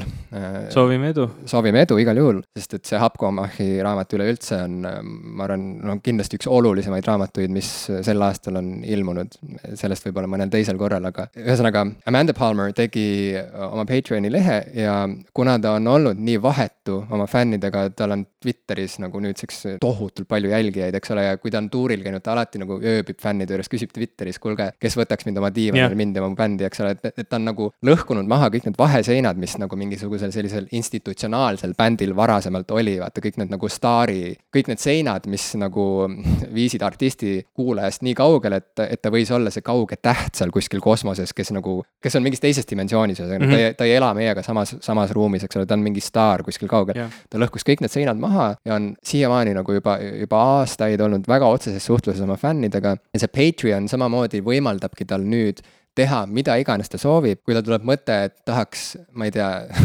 salvestada seda, kuidas ta saeb, on ju, mingi lauajalgasid, on ju, siis ta võib seda teha põhimõtteliselt, sest et fännid nagu usaldavad teda ja Patreoni süsteem on siis see, et ähm, fännid äh, püsivalt toetavad artisti tegemisi ehk siis, et kui ta näiteks otsustab anda välja muusikavideo, siis ta ütleb, et nüüd ma vajan rahastust sellele muusikavideole ja sina fännina, kui sa oled määranud, et sa annad iga kord talle ühe dollari näiteks mm, -hmm. kui ta mhm. midagi teeb, siis sinu kontolt läheb maha sel hetkel üks dollar yeah.. või, või kui sa oled määranud, et sul läheb, et sa toetad teda kümnega, läheb kümnekas ja nii edasi yeah., eks ole. iga kord, kui ta võtab ette midagi, mille jaoks tal on vaja raha, siis ta saab selle nagu sisse kasseerida sealt yeah. Patreonist otse, ilma et ta peaks mingi kampaania selleks tegema yeah. eraldi, eks ole. väga lahe süsteem. mina olen Amanda Palmeri toetaja ja ma tunnen tunnen, et, et just selline side lemmikartistiga ongi see kõige õigem, kust on see vahelüli ära kaotatud. see Patreon ise ka ei ole mingisugune tohutu, mingisugune korporatsioon, need ei. on samasugused kunstnikud, kes lihtsalt leidsid, et on vaja leida mingisugune viis, kuidas võimaldada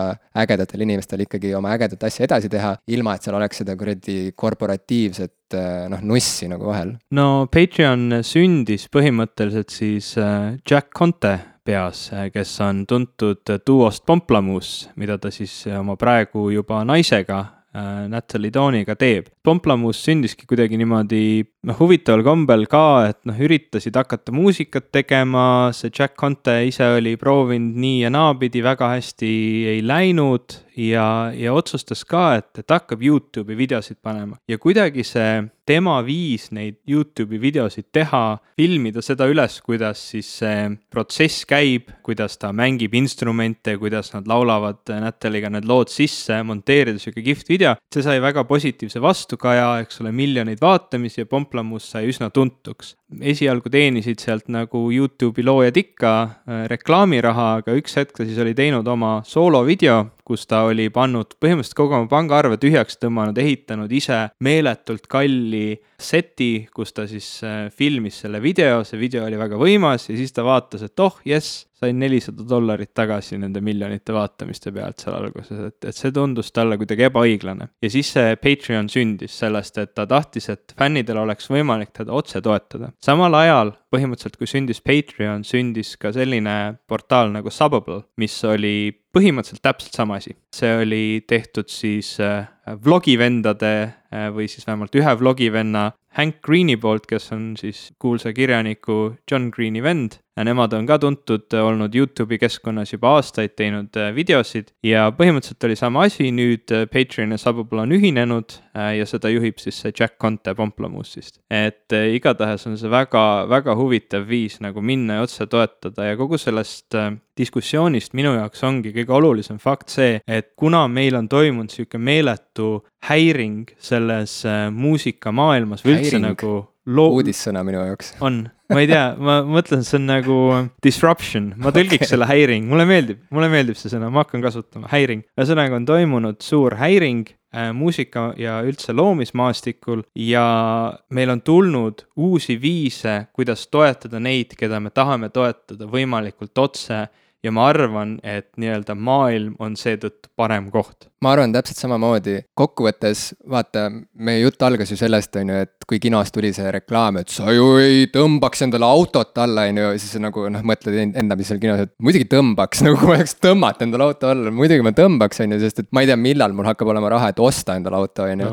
okei, äh, et see ongi see, et, et vaata, et mingit filmi või sarja tõmmates sa ei tunne ju tegelikult, et sa nagu varastad kelleltki, et okei okay,, mul praegu on Netflixi konto, kui mul ei oleks, kui Eestisse ei oleks tulnud Netflixi, ma tõenäoliselt tõmbaks endale House of Cards'i, on ju, aga mm. ma ei tunneks, et ah oh, fuck, nagu tuleb uus hooaeg välja, näed, Kevin Spacey'l on nagu, ta näeb nii kõhetu välja, sest et ta vist ei ole saanud süüa nii palju, kuna mina olen varastanud talt seda söögiraha. ma ei tunne seda niimoodi, vaata see, neid vahelülisid on nii, nii palju, kuidas see raha liigub käest kätte, et lõppkokkuvõttes ma ei, ma ei tunne mitte mingisugust sidet nende loojate ega enda vahel nagu rahalises mm. mõttes, saad aru? Ainus asi, mis meid seob, on see, et ma imetlen neid ja tahan näha, mida nad teevad. nüüd see, et need vahemehed on pidanud nagu tööst ilma jääma ja mul on tekkinud võimalusi oma lemmikuid otse toetada, otse nende ra tegemisi rahastada, see on jälle nagu toonud nad mulle ka rahalises mõttes lähemale ja ma nüüd, kus ma käin tööl ja aeg-ajalt mul on raha, et, et nagu maksta, eks ole, mingisuguse mm -hmm. filmi või, või albumi eest, siis ma hea meelega teen seda sest et ma näen otse, kuidas see raha läheb nagu nende taskutesse ja mul on selle pärast väga hea meel. ja ma ei tunne, et ma, et ma nagu peaksin kuidagi vabandust paluma, et ma varem siis nagu ei maksnud või mis iganes, sest et nagu noh, ma lihtsalt ei näinud, kuidas see raha liikus ja nüüd, kus ma nagu näen, kuidas see liigub otse minu peost tema rahakotti, siis äh, mis mul saaks selle vastu olla, ma hea meelega toetan. nii et nagu huvitav on mõelda, et huvitav, millised Eesti kirjanikud, millised Eesti näitlejad näiteks söandaksid üleüldse proovida sellist asja et äh, teha endale Patreoni leht ja siis ja. nagu vaadata, et kui palju neid toetajaid ilmub, sest et üks väga suur asi, mis inimesi nagu pelutab selle asja juures, ongi ju põhimõtteliselt nagu hirm mingisuguse nagu alanduse ees või mingi läbikukkumise ees, et esiteks, kui sa lähed juba nagu paluma inimestelt nagu mingit almust, on ju, et see tundub nagu nii noh, alandav, et mm -hmm. parem siis juba, et mulle maksab mingisugune firma, mingi institutsioon, on ju, et see tuleb nagu mingist anonüümsest torust, seal mul ei pea olema nagu häbi, et ma seda raha kuidagi nagu nõuan või küsin, aga see, mida ka Amanda Palmer on rääkinud siin ja seal ja räägib ka edasi ja millest ka tema raamat räägib, The Art of Asking mm. -hmm. ja millest ka tema see kuulus TED-i kõne räägib, mida me saame ka linkida oma yeah. saate märkmetes. see tema jutu point ongi just see, et äh, kui artist enam ei karda oma staatuse pärast ega mingi alanduse ega mingisuguse nagu äh, nojah, nagu mingi häbi pärast läbi kukkuda, kui ta nagu astub selle sammu oma fännidele lähemale, siis äh, noh, ta võib usaldada, et need fännid toetavad teda ja, ja hoiavad teda ja, ja võtavad ta avasüli vastu, et, et see ei tundu neile kuidagi nagu nõme ega ahne samm nagu astuda neile otse juurde, et ühesõnaga, see ei tee neid artiste kerjusteks ega mingisugusteks nagu noh, ma ei tea, veel hullem, mingist nagu taskuvarasteks või. ja tegelikult ma olen saanud Amanda Palmerist väga otseselt ka inspiratsiooni, kui mu teine romaan sai valmis ja kui see sai romaanivõistlusel äh, auhinnalise koha, siis äh, ma otsustasin selle raamatu ise välja anda mm, -hmm. oma teise romaani Kehade mets ja samamoodi ma küsisin oma lugejatelt otse raha mitte Hooandja kaudu, vaid ma korraldasin sellise ürituse erinevate tubade klubis eelmise aasta esimesel augustil, kus ma lugesin oma romaani otsast lõpuni ette ja uksed olid avatud, inimesed võisid tulla, minna nii, nagu nad ise soovisid. ja need, kes äh, leidsid, et see raamat on midagi ägedat, võisid toetada selle raamatu väljaandmist, mul oligi seal toanurgas oli üks vaas, kuhu inimesed võisid visata münte või, või ka paberraha sedeleid, kupüü-, kupüüre ja ma usaldasin lihtsalt, et äh, ju see viib sihile, et mm -hmm. küllap inimesed mind äh, juba piisavalt usaldavad ja, ja toetavad, et ma saan selle asja tehtud. loomulikult seal oli risk ka läbi kukkuda mm, -hmm. aga ma ei tundnud kordagi tegelikult seda hirmu, et äkki ma jään häbisse, vaata. ma ei tundnud kordagi seda, et ah oh, fuck, äkki õhtu lõpuks seal ongi kakskümmend eurot ja ma ei saa seda raamatut välja anda, ma pean ikkagi mingisuguse suure kirjastuse poole pöörduma, et palun aidake mind, on ju. ei, ma saingi kokku selle esmase eelarve, et ma saaksin seda raamatut trükkida ja seda väga puhtalt, väga otseselt äh, tänu oma lugejatele, kelle nimed on ka raamatu lõpus kirjas. nii et äh, kui see minusuguse mm, kirjaniku puhul toimib ja ma ei ole kaugeltki mitte Eesti kõige kuulsam kirjanik, siis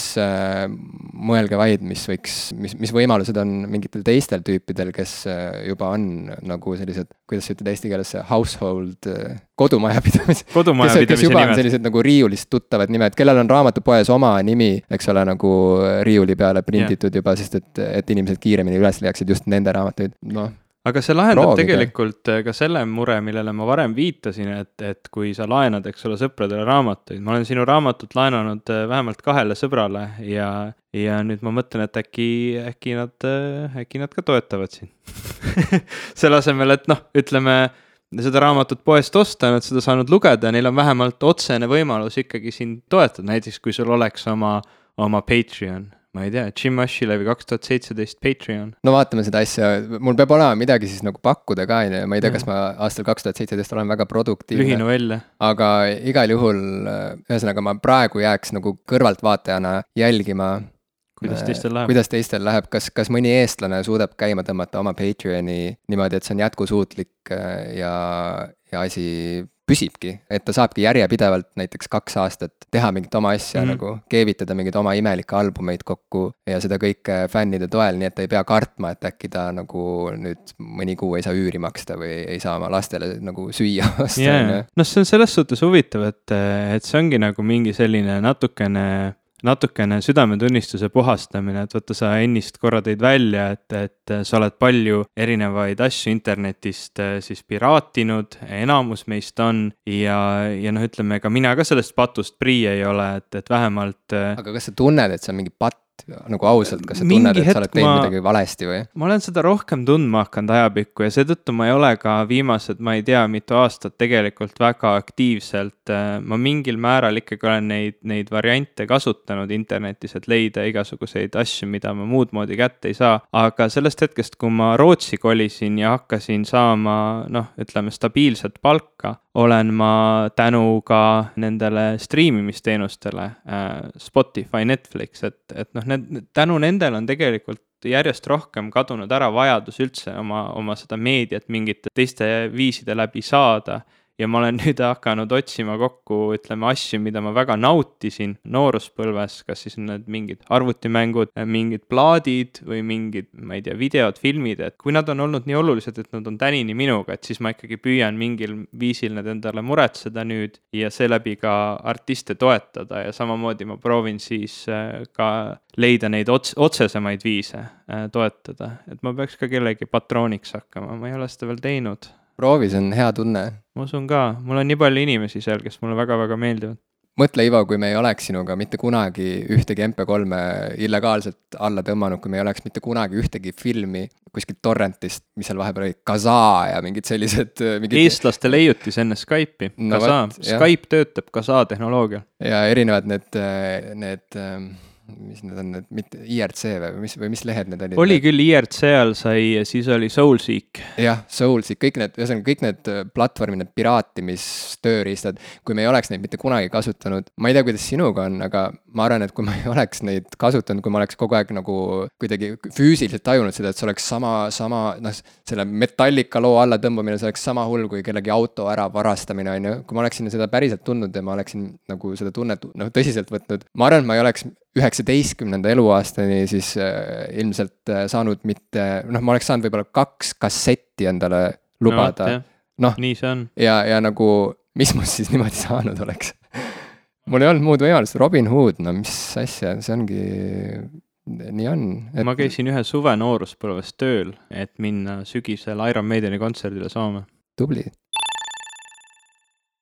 selle striimimise jutuga on tegelikult äh, tulnud äh, üks huvitav aspekt veel, et sa viimane kord rääkisid siin Tidalist ja Spotify'st ja sellest, kuidas nii-öelda see muusika kvaliteet on, on striimimisel, noh, ütleme, on neid kehvemaid variante ja neid paremaid variante, ma lubasin sulle, et ma võin sulle teha selle testi, kus sa saad siis katsetada sellist CD-plaadilt nii-öelda puhast audiot, äh, mingit sellist väga hea kvaliteediga MP3, et see oli siis sellise konstantse bitisagedusega MP3, mis oli siis kolmsada kakskümmend kilobitti sekundis ja siis oli selline kehvem variant, sada kakskümmend kaheksa kilobitti sekundis ja ma, ma täna tegin sulle selle testi kolme looga ära ja mis need tulemused olid? täiesti õudne on tõdeda, et ma ei teinud vahet nendel lugudel ja nüüd tulebki välja, et see on lihtsalt mu enda mõtlemises kinni, et, et kui kuskil on kirjutatud, et on võimalik kuulata ka hi-fi kvaliteediga, siis see on justkui nagu väärt seda lisaraha või, või kuidagi, et see tõesti ongi kvaliteetsem, ma ei teinud vahet ma olin nii kindel enne, kui sa seda testi mulle tegema hakkasid, et ma raudselt saan aru, sest et kunagi, kui jälle hüpata tagasi ajas nendes ne,, nendesse päevadesse, kus ma on ju kasutasin Soulseeki ja Kazaa mm -hmm. ja selliseid programme, et, et illegaalselt tõmmata endale muusikat, mille eest ma ei olnud maksnud, et siis ma ikka nagu aeg-ajalt seal sobrasin kellegi avalikus folder'is, eks ole mm -hmm., kes seal jagas oma muusikat niimoodi heldelt. ja kui seal oli valida, et ma saan sedasama albumit tõmmata näiteks kolmesaja kahekümne kilobaidisena või kilobitisena mm -hmm. või, või, või siis on ju saja kahekümne kaheksasena, siis ma alati ikkagi pigem valisin selle suurema no, äh, resolutsiooniga, kas resolutsioon võib öelda pildi kohta ainult või, või, või ühesõnaga jah, tähendab, võib ikka jah öelda. ühesõnaga tõmbasin need suuremad failid endale, sest et ma kujutasin ette, et see on kindlasti, et see kõlab paremini.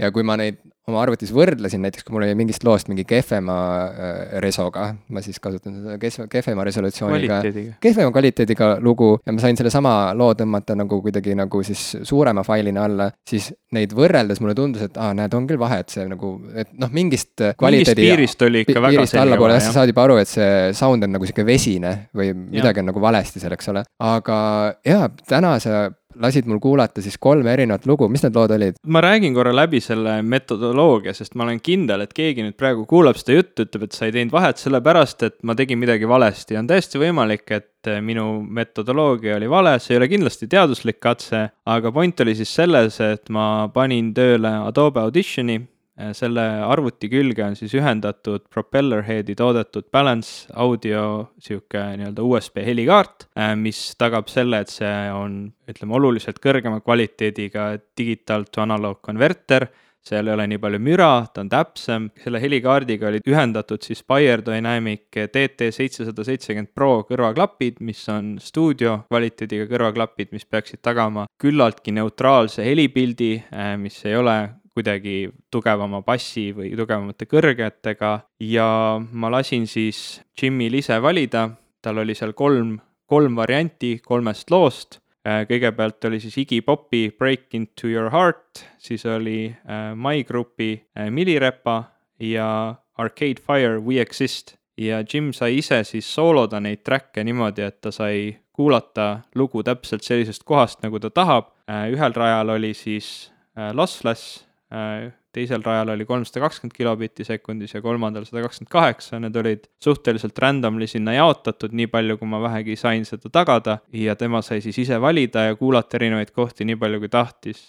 ja kuigi tuleb tõele au anda, esimesel lool siis Iggy Popil ta suutis selle järjekorra õigesti paika panna, aga teisel ja kolmandal ta on siia suure küsimärgi kirjutanud. ma ei tea küll, kuidas ma vahet tegin, sest et ma tegelikult äh, ei märganud mingisuguseid suuri erinevusi, õigem oleks öelda, et ma ei märganud mitte mingisuguseid erinevusi. mul lihtsalt oli mingisugune tunne, et äkki see võiks olla niipidi, aga jah, kuidagi veel lihtsamalt lahti seletades seda, mida sa just mm. üksipulgi kirjeldasid. ma sain istuda arvuti taga, kuulata seda lugu ilma katkestusteta, aga ühte nuppu vajutades sain muuta selle loo kvaliteeti, teadmata, mis kvaliteet nüüd siis nagu äh, mu kõrvu jõudis, eks ole mm. -hmm see lugu mängis edasi ilma katkestusteta, mis ongi see viis, mismoodi ma olen alati tahtnud seda testi teha, nii et aitäh sulle, Ivo, et sa viitsisid äh, kokku klopsida sellise testi tänaseks enne meie tänast salvestust. Äh, ja tõesti, ma peangi enese üllatuseks nentima, et ma ei suutnud teha vahet saja kahekümne kaheksa kilobitisel failil ja siis lossless ehk siis nagu kadudeta yeah. Äh, helifailil, mis peaks olema siis CD kvaliteediga või noh, selline yeah. nii, nii puhas ja nii kvaliteetne, kui ta, kui ta stuudiost tulles olla sai, eks ole yeah.. nii et kokkuvõttes ma võin öelda, et kui ma enne põdesin, et ah, Spotify's nagu äh, lastakse kehvema kvaliteediga lugusid kui Tidalis, kus ma on ju kahekümne, peaaegu kakskümmend eurot kuus makstes saaksin siis nagu hi-fi kvaliteediga kuulata neid samu albumeid. noh, nüüd ma kuulan südamerahuga edasi seda odavamat Spotify varianti, sest et et äh, ma ei taju seda vahet ja see on naljakas, et video puhul on see vahe ju nii selgesti selge, märgatav. ehk siis, kui sul on Youtube'is kõige madalam võimalik äh, kvaliteet no. on vaadatamatu juba tänapäeval. on ju, see on jube, eks ole, see on, kõik on nii ruuduline ja aste-astmelt edasi minnes seal kvaliteediredelil isegi äh, seitsmesaja kahekümne ja, ja mis on tuhat kaheksakümmend on ju pikslit, et, et see, see isegi nende vahel sa teed nagu selgelt vahet no Youtube'i puhul eriti noh, ütleme video puhul ja eriti Youtube'i puhul on, on väga palju erinevaid faktoreid, mis seal määravad, et, et see ei ole päris sihuke üks-ühele võrdlus nagu siin, et meil on kaks sama koodekiga kokku pakitud äh, helifaili ja siis nii-öelda kokku pakkimata helifail. Youtube'i puhul on ikka päris suur vahe ka selles, et kui sa võtad näiteks tuhat kaheksakümmend P video, teed ta suuremaks sellest tuhat kaheksakümmend B-st teed ta näiteks 4K-ks, kuigi ta ei ole filmitud 4K-s, aga sa nii-öelda teed ta suuremaks ja paned ta 4K-s üles, siis on ta kvaliteet parem, sellepärast et see viis, kuidas Youtube töötleb neid formaate, mis see nii-öelda biti sagedus on et kuidas ta neid töötleb, on, on erinev erinevatel tasemetel, nii et seal need, need jooksevad väga selgelt välja. aga helifailide puhul, noh, eks ta on raske, ma, ma olen seda testi endale teinud äh, mitu korda, endal on väga raske seda pimesi teha, mul ei olnud kedagi teist niimoodi kohe võtta, kes mulle selle asja niimoodi pimedalt ära teeks, et ma ise ei tea, mis faile ma kuulan. aga maksimaalselt parimates testides ma olen ikkagi noh, ütleme selle sada kakskümmend kaheksa kilobitti MP3-l ja kolmesaja kahekümnel vahet teinud, aga sealt edasi on see väga raske olnud. Ja sellegipoolest olen ma ikka ja jälle leidnud ennast mõttele, et ah, ikka tahaks seda kadudeta formaati ja, ja alles hiljuti, kui ma uues kodus siis oma muusikakeskust komplekteerisin, mul oli väike Bluetooth vastuvõtja sinna ehitatud, et ma saaksin oma telefonist muusikat muusikakeskusesse mängida. see häiris mind nii meeletult, et see oli see Bluetooth neli ja tal ei olnud neid ekstra koodekeid sisse ehitatud, et ta suudaks seda taasesitada paremini. et lõpuks ma ostsin omale Chromecast audio ja isegi see oli täpselt selline, et okei okay,, noh, ma oleksin võinud ka palju kallima taki sinna muretseda, mis või, või kallima striimeri, mis suudaks väga-väga eh, puhtalt seda kokku pakitud heli, mis Spotify'st tuleb esitada aga noh, sellel ei ole mõtet, aga see on mul kogu aeg peas ikkagi, et tahaks seda parimat saada, hoolimata sellest, et tegelikult ma tean, mul on see kogemus, et ma ei tee sellel vahet. just täpselt see, see teadmine, et ja. saab ka kvaliteetsemalt kuulata seda kõike, see ja. teadmine ise on see, mis häirib, mitte see kvaliteedi vahe ja no ütleme nii, et mul on kodus üks koht, kus ma saan ideaalselt istuda ja kuulata oma muusikakeskust täpselt nii hästi, kui ta on. aga ma ei istu seal mitte kunagi, sest see on mingi random koht keset põrandat, ma kõnnin mööda tuba ringi, enamasti mängib muusika mul mingil määral ikkagi taustaks niimoodi privaatselt mõttega ma kuulan muusikat tihtilugu kõrvaklappidega. et, et jah, selle muusikakeskuse puhul tõesti, et ma hakkasin mõtlema ja ilmselt ma mõtlen üle. Ja kokkuvõttes on ju tegelikult niimoodi, et inimesed lõpuks õpivad armastama ka oma lemmiktehnoloogiate puudusi ja kindlasti. nii nagu me oleme seda näinud videomängutööstuses, kus graafika on ju pidevalt, eks ole, arenenud paremaks yeah., resolutsioonid lähevad suuremaks, maailmad muutuvad suuremaks, mida seal äh, on kokku joonistatud, eks ole, füüsika muutub aina nagu kuidagi targemaks ja keerulisemaks yeah.. siis ikkagi kokkuvõttes äh, tekitab minus vähemalt nii suurt heldimust, kui ma näen mingisugust sellist nagu kaheksapitist graafikat kuskil või kui lihtsalt mingisugune pilt on näiteks joonistatud sellises nagu ülisuurte pikslitega.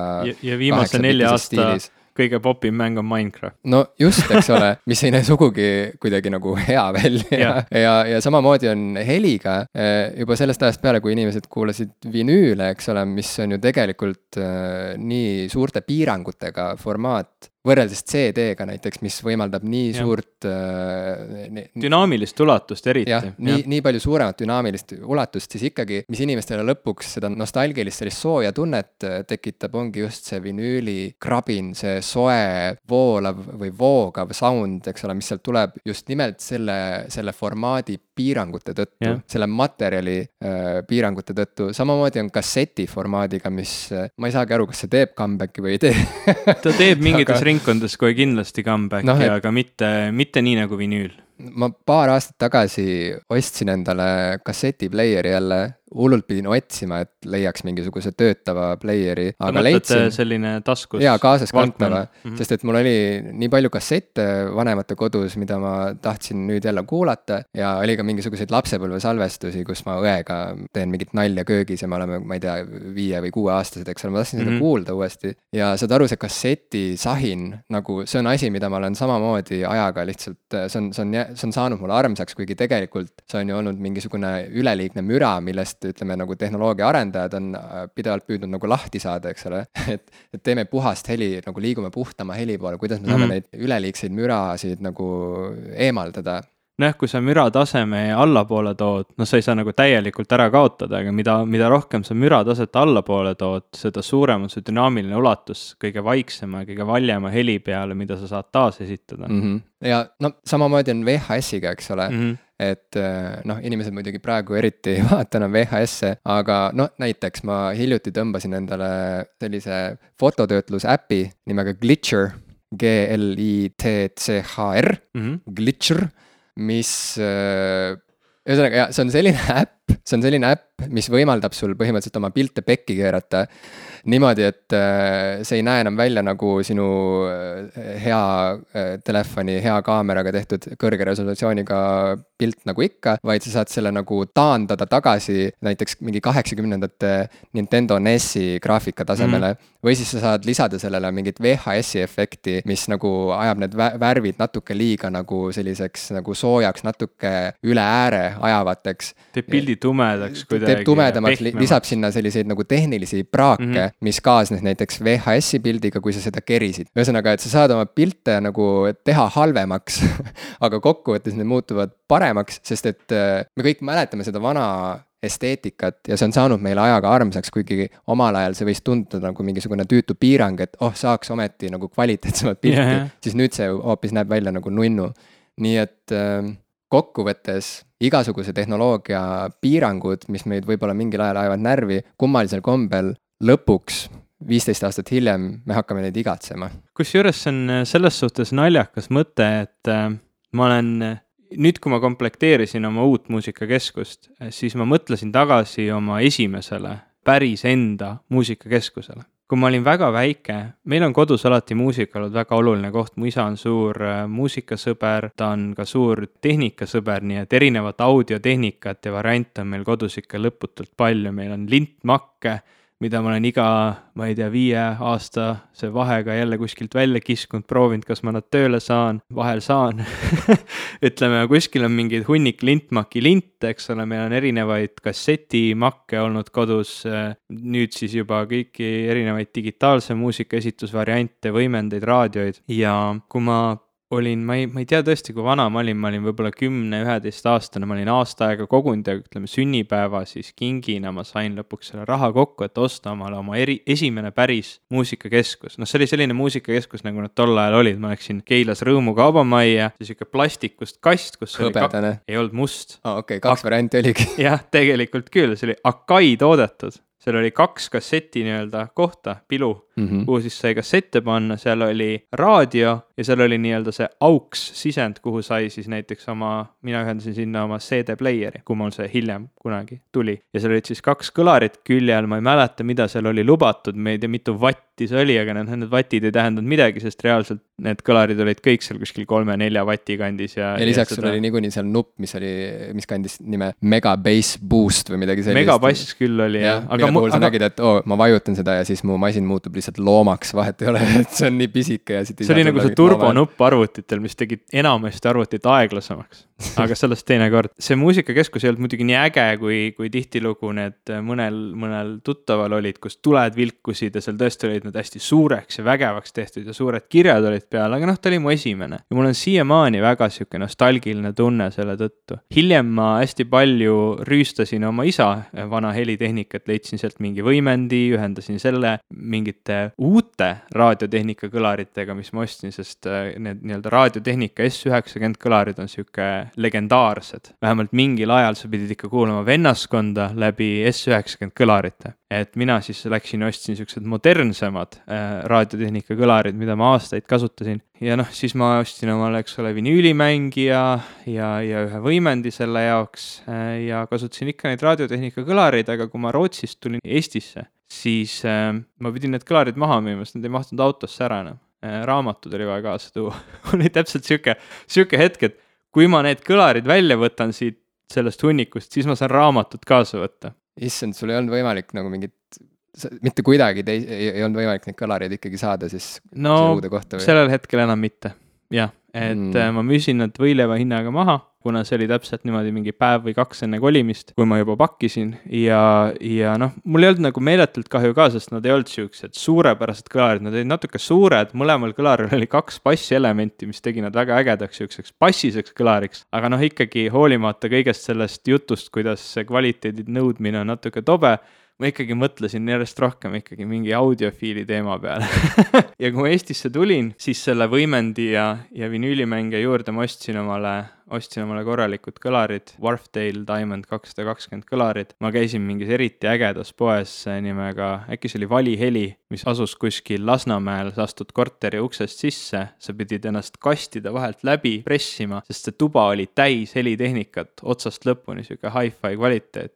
istutati sind keset mingit pinki seal keset tuba ja pandi mängima see muusika, mis sa tahtsid. noh, tänapäeval Spotify'st ise said valida, eks ole. ka mulle soovitas üks tõsine audiofiil just valiheli yeah. koodi, ütles, et mine sinna Lasnamäele, lepi selle mehega see aeg kokku ja mine talle sinna Lasnamäe punkrisse. istu ja kuula seal natuke, jaa no see oli vägev kogemus, eks ole, ja ostsin need kõlarid ära ja nüüd ma siis võtsin oma veel lisalt, mida ta ei kasutanud, üks CD-mängija, nii et nüüd ma jälle ka lisaks vinüülidele kasutan CD-plaate kodus, et et mul on alati nagu see muusikakeskuste teema ja see viis, kuidas inimesed muusika, muusikat kuulavad kodus, on alati hästi südamelähedane olnud, sest mul on noh igas kodus, kus ma olen elanud, ma olen püüdnud omale tekitada mingi sihukese keskuse, ta ei ole enam selline muusikakeskus nagu klassikalises tähenduses, aga see on mul üks olulisemaid asju kodudes, mul ei ole enamus kodudes kunagi olnud telekat, aga mul on olnud alati mingi viis oma muusikat kuulata.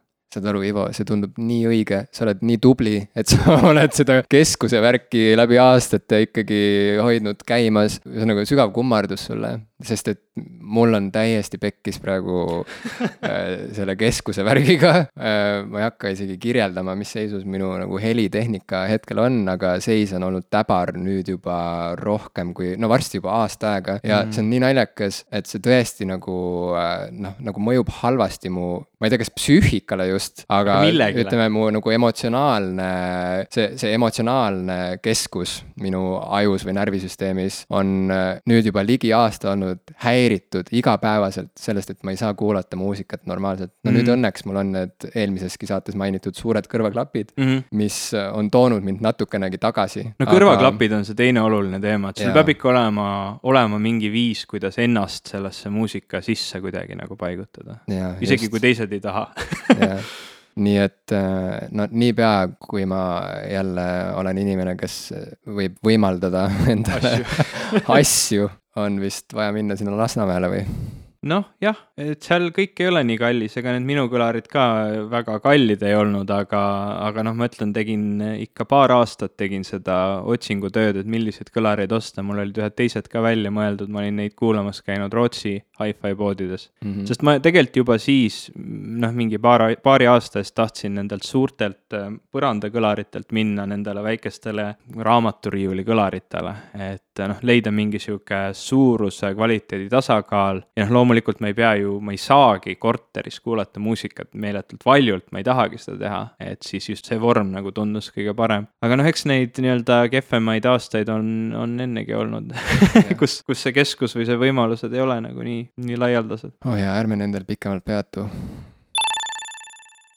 teeme parem mõned muusikasoovitused, mida me, mida me tahame inimestele soovitada, et nad kuulaksid ma võib-olla praegu enam isegi spetsiifiliselt ühtegi bändi või vähemalt seekord ei nimetaks, vaid ma soovitakski inimestel hoopis vaadata Patreonist, kas mõni teie lemmikmuusik või lemmikbänd või no miks see peab olema bänd, mis iganes, lemmikkirjanik või kes iganes, keda te austate ja fännate, kui, kui te leiate tema Patreoni lehe, kui teil juhtumisi on see, siis kaaluge seda varianti, et äkki visake talle väike dollar iga kord, kui ta kirjutab näiteks mõne uue novelli või, või kui ta avaldab äh, mingisuguse uue laulukese. vaadake, mis tunne on, et kas on niisugune tunne nagu annaks lunivale kerjusele ei millegi eest, lihtsalt haletsusest raha, raha, mida sul niigi on vähe, või siis hoopis tekib tunne, et vau, äh, see ju ongi kaks tuhat kuusteist. jah, mina toetasin vist ka su raamatut, ma ei mäleta enam, vist oli. toetasid nii. küll, su nimi on seal taga ilusti kirjas. väga hea, aga ühesõnaga ma vähemalt tunnen seda heameelt tegelikult, et ma ka sain mängida väikse osa selle raamatu valmis saamises. väga otseselt jaa, ja mul on ka hea meel ja see ongi nagu nii äge, et. ja eriti hea oli tunne veel siis, kui ma seda raamatut lugeda sain ja see oli hea raamat aga kui see oleks olnud nagu, kui see oleks olnud meeletu pettumus su jaoks, mis sa siis oleksid tundnud, kas sa oleks tundnud, et nagu fuck, peaks kuidagi selle raha tagasi küsima? ei oleks, ma ilmselt äh, ma ei tea, mida ma oleks siis tundnud, ma ilmselt ei oleks tundnud, et see raha oli raisku läinud, ma ilmselt ei oleks üldse sellest rahast mõelnud. ma ei oskagi sellele niimoodi sellest aspektist läheneda, sest ma toetasin seda raamatut mitte sellepärast, et ma tahaksin lugeda ühte head raamatut, vaid sellepärast, et ma tahtsin, et sa saaksid seda raamatut kirjutada ja välja anda oma, omal nii-öelda noh, viisil. no vot, ja siin me jõuamegi jälle selle usalduse juurde, et meil oli olemas vastastikune usaldus ja ma arvan, et sellepärast äh, paljud muusikud, kunstnikud ei olegi veel teinud tormijooksu Patreoni platvormile, et nad kardavad võib-olla seda läbikukkumise riski või nad kardavad seda, et aga mis siis, kui nagu see, mis ma teen, tundub sitt inimestele, et äkki nad on siis nagu pahased mu peale.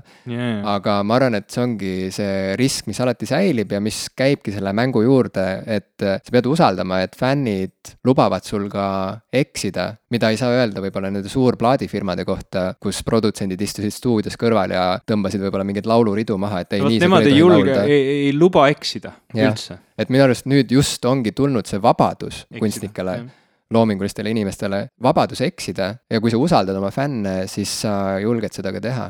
Mina teeks küll ühe plaadisoovituse siia lõppu, mul on mitu nädalat nüüd juba tänu Spotify selle Discover Weekly'le on mänginud selline plaat nagu Rocket Juice and the Moon, et see on nii bändi kui ka plaadi nimi, Rocket Juice and the Moon ja see on selline supergrupp muusikuid, noh, üldiselt nimetatakse supergrupiks, kui on juba varem kuulsad muusikud teevad koos bändi, et siin on siis koos Damon Albarn, kes siis on tuntud võib-olla kõige rohkem Blurri ja Gorillasiga, aga ta on teinud ju veel mingi kümneid muusikaprojekte siin ja seal. Äh,, siis siin mängib bassi Flea bändist Red Hot Chili Peppers ja trumme mängib selline ääretult legendaarne inimene nagu Tony Allen, kes oli äh, nii trummar kui ka produtsent siis Fela Kutile. Fela Kuti on, kuidas ma seda selgitan, üks tähtsamaid inimesi maailma muusikas. Äh, ta oli afrobiiti looja, ja, ja tema muutis Nigeeria poliitikat rohkem kui Nigeeria poliitikud ja ma, ma ei oskagi seda nagu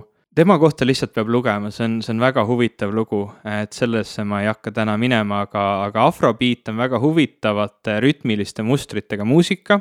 Need rütmilised mustrid on siis kasutusele võetud ka selles Rocket Juice on the Moon plaadil, et seal on seda Flea huvitavaid bassikäike, neid väga huvitavaid trummikäike äh, siis Tony Allenilt ja siis äh, Damoni selline kergelt kummitav vokaal äh, ka siis erinevates lugudes, ta igas loos ei laula, mõni on räpilugu, mõni on selline puhtam afrobeat, kus on mingi koor laulab ja siis mõnes kohas laulab Damon ise ka. väga lahe, ma kuulan seda. Aga nüüd siis äh, hakkame Snapchat ima. jah, ja kirjutage meile. kuhu võib kirjutada? popkulturistid.gmail.com kas sa mulle ka annad kunagi selle postkasti password'i, et ma saaksin ka vaadata, kes meile kirjutab või, või sa tahad olla see ma andsin, ma andsin. domineeriv pool äh,. sulle on jagatud kõik need äh, OneDrive'i aa, need on OneDrive'is One,. OneNote'i need äh, lingid, ma loodan. Okei okay,, ja meie Snapchati kontod, lingid, värgid paneme ka paneme saate märkmetesse, nii et hakkame pihta, vaatame, mis saab. kuulake meid järgmisel korral. palun, palun kuulake meid järgmisel korral. palun, palun andke meile raha